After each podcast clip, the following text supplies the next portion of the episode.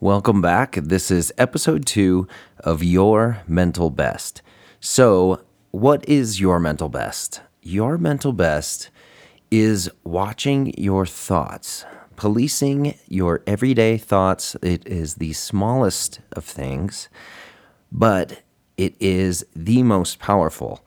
I spent a better part of my life studying success and um, studying people who are successful and trying to model after them.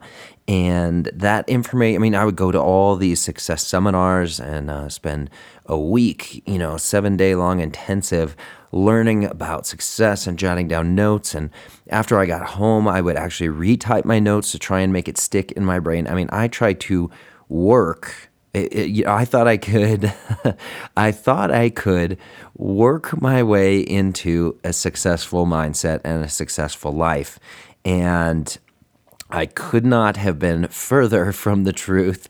And I spent the better part of a decade spinning my wheels because when I would come home from these seminars, I was so fired up, and um, I my life would be different uh, for about a week and it, I would end up going sliding back into my old habits and patterns. And it was my old stories and my old beliefs that were running the show. So we have to attack these. Uh, we have to get to the root of these. And that, my friends, is where we have the power, where we do have the power to change our own minds and our own brains and to create lasting, sustainable change and to create that control in our lives that we are all trying to get. This is the secret, and it seems so small that it lives in our heads and in our thoughts, but that is the filter we see the world through. Our old stories and our old beliefs, these are the walls we build around ourselves that we can't see past and we can't get past. So, here in episode two, we're gonna talk about your brain. And we're going to get into uh, the neuroscience of all of this. I've studied this area greatly here in the last few years, and um, there's a ton of material. You can go to my website, uh, which is joshritcher.com, R I T C H E R, or uh, a quick uh, a quick link is just yourmentalbest.com and you can get to the site so there's tons there's a wealth of great uh, material i have all sorts of links in the blog um, to all these great articles and all of this uh, amazing neuroscience that backs up sort of what i'm talking about. But uh, here i'm going to give it, uh, you sort of the best of the best and we're gonna i'm going to give you the secret. The secret to a lasting, sustainable, happy, uh, healthy, and successful life through amazing, simple, and easy to implement mental practices. We got to rewire your brain, basically. and rewiring your brain sounds hard. And it took a lifetime to create these stories and to sort of, you know, I guess implant them in your heads and for these stories now to be running the show. So I'm, but I'm happy to report that it doesn't take a lifetime to undo this. And it's actually pretty simple. Um, and, you know, I went to therapists to try and, and get past this. And I, um, you know, tried to dive into my past and understand where this came from and how I got to where I got to today. And, you know, you don't have to understand why necessarily. What we have to start doing, though, is creating new patterns.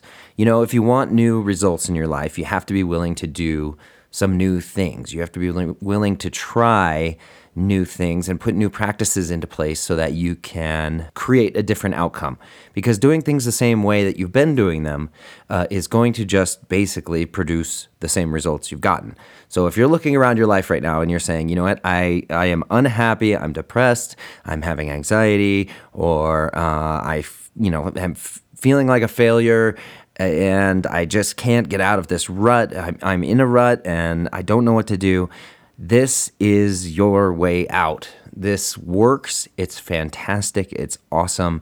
It's so powerful. And The reason that I am on my soapbox now, uh, talking about the brain and talking about all of this stuff, is because of how amazing, powerful, and how quickly it changed my life. All of my friends were asking, "How did you do it? How, what happened?" Um, you know, they saw the change in me and started asking questions, and so I started to to really try and dig down and figure out uh, and break this down into simple steps, repeatable steps. I mean, I was dying for somebody to tell me how how to do it, how to create change. So this is it. This is your change secret. This is the secret to living a happy and healthy life, and it's pretty simple. So I'm going to give you a few examples. Basically, all right, let's say you were shopping for a new car, an Audi, and uh, you were looking uh, online about the car and you, you know, reading reviews, basically diving into this car over the course of a few days. All of a sudden, you start noticing this car everywhere, all over the roads. Um, you see it, you know, in the parking lots or on the other side of the highways you're driving by. This is called the Baader Meinhof phenomenon. And what it is, is that we're being barraged with thousands of bits of information all day long, all day, every day. Uh, information's passing us. Uh, the brain is taking in and scanning the environment, basically, for anything that's dangerous or could be life threatening or not supportive or looking for good things, rewarding things. You know, you're looking for affirmations. The brain is scanning the environment, and I mean, so much is coming at your brain. You can't take it all in, so it's automatically dismissing things. You don't have to consciously think about, um, you know, all of this stuff that's that's passing you all day long. Your brain is doing it for you and filtering it but it's filtering it through your past stories and your past beliefs, basically, what you've formed about you, what that sense of self is. It's sort of comparing everything that it sees. It's it, the, your stories are a filter that you see life through, a lens, um, and you've colored that lens through through different beliefs about yourself, and so the world then is seen through that that filter. Just like the Audi, so you start looking into this vehicle for the first time. You you didn't really look into it a lot before, and so going through your life all of those vehicles on the road, that Audi, just passed you by. Your brain didn't do anything with it. It dismissed it. It didn't need to focus on that. Uh, and it didn't need to flag it in the world uh, from all these thousands of bits that are passing you. But now, since you started looking into the car, it now starts to highlight that in the world. Your brain does this automatically. You've told it that this car is important, and now amongst all the thousands of bits of information, this car is standing out. It's highlighted. This is a small example of how our thoughts can shape our world. If we're holding negative thoughts, like in the last episode where I taught I told you how I went into this shame spiral and I was a failure and you know I had come up with all these stories and beliefs about myself that just frankly weren't true. I was living a lie. But that became my lens. That became what I saw the world through. And so my brain would find that in the world because I'm holding it consciously. I'm thinking about I'm like, ah, I'm such a failure. And then I'd get a bill in the mail and go, see, this this is this is more proof on why I'm a failure and why I can't I couldn't do life and how I fucked it up. And this became my filter. I became a failure, the world around me was showing me how I was a failure because my brain was finding that because I told it that's important. The trick is we get to turn all of this around and there's there's these automated things that are happening in the brain that we get to now with awareness use these things to our advantage. So, if we know that what we hold in our conscious thought, the brain will find and highlight in the world, we can then infuse our brains with positive, uh, uh, reassuring, life affirming, um, you know, sort of value adding, positive mental thoughts. Your brain will find that in the world. And it's not magic, it's just what the brain does. It's a pattern recognition machine. And it's de- it's developed over hundreds of thousands of years to be that way because that's what keeps us alive. If you you know you saw your uncle go into a, a cave on a dark summer night and he got eaten by a bear well then you're going to that story that memory is going to stick in your head. And when that pattern starts to repeat itself again your friend is going wants to go into a cave on a dark summer night. Your brain automatically remembers that and says no wait don't do that. This ends badly.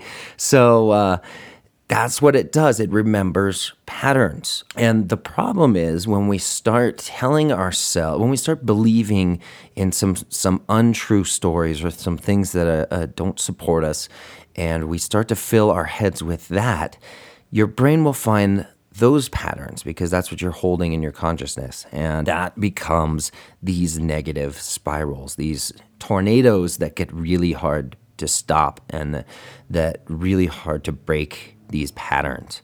So, what we're gonna do, I'm gonna teach you simple tools. It's called reframing. And I guess the simplest way I can describe reframing for you, it's sort of like the Grand Canyon. If you imagine the way water carved the Grand Canyon, it, it carved it over, you know, hundreds of years, uh, hundreds of thousands of years, actually.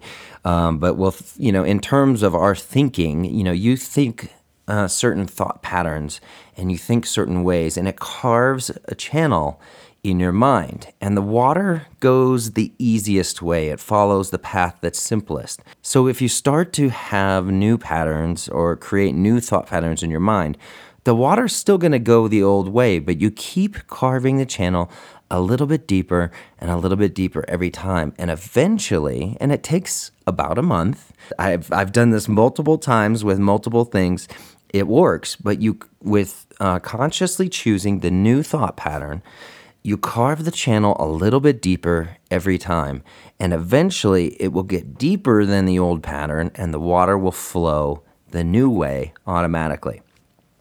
The brain is also pretty amazing. The, the prefrontal cortex, so your rationing part of the brain where you're holding these thoughts, these new thoughts that you're trying to infuse, when you're consciously thinking about this, um, you're holding it in your um, rationing part of the brain, the the where you're able to conceptualize and think about things.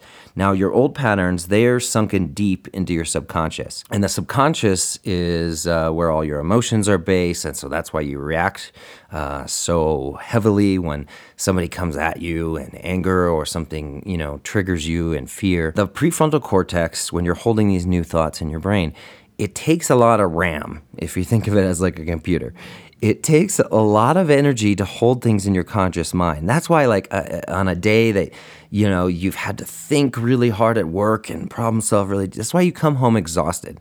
It's because running that frontal part of your brain takes up a lot of energy. So when we're holding these conscious thoughts for this month that we're trying to rewire our brain, uh, and we're trying to beat back these old patterns and these old beliefs and dig that channel deeper and deeper you keep holding in your mind the new thoughts. You keep reframing from the old patterns to the new, the desired pattern. And it's taking up memory every time you're doing that. And so after about a month, your brain says, okay, fine. I get it. I see what you're doing here. you want this new pattern to be in place. So, but it's taking up a lot of my time and a lot of my energy and a lot of my RAM. So, I'm going to commit this to the deeper part of the brain where it's now automated.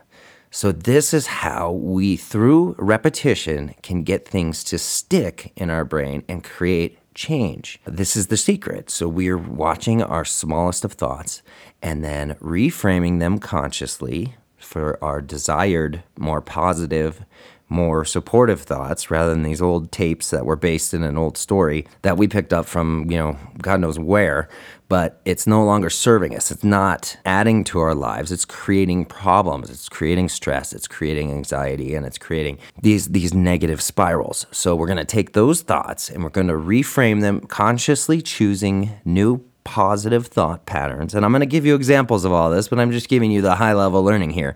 So we're going to consciously choose it for about a month, and then the brain is going to sync that to a deeper part of the brain where it's going to automate it. Like you're breathing and your heart rate, and you don't have to think about it. It's just the water's going to go the new way because after a long period of time, you carve the channel deeper, deeper, deeper, deeper, and the brain doesn't want to keep uh, sending energy to that, so it automates it.